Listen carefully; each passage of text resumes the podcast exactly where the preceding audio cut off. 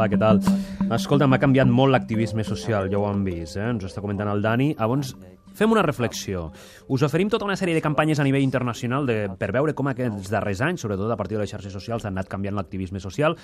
Recordeu, no?, campanyes com aquesta de Bring Back Our Girls, quan a Nigèria el 2014 es van eh, raptar, el grup terrorista Boko Haram va raptar unes nenes i a partir dels hashtags Sí. que va usar Michelle Obama, Salma Hayek, etc, va canviar.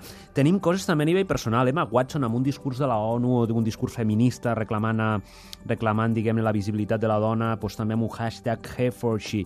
Què volem reflexionar amb aquest ventall que us oferim a partir de links perquè ho veureu en aquests da- darrers anys, 2016, 15, 14, 13, que és quan canvia tot. Aquesta hashtagització Sí. eh, de, eh, de l'activisme social. Com el hashtag s'ha acabat convertint, en certa manera, amb la pancarta d'abans, amb sí, l'eina sí, d'abans, sí. però això ens obre un altre ventall i aquí us hem recollit tota una sèrie d'articles i reflexions molt interessants perquè diu partim de la tesi, les xarxes han reinventat l'activisme social. Molt bé. Serveix? No serveix?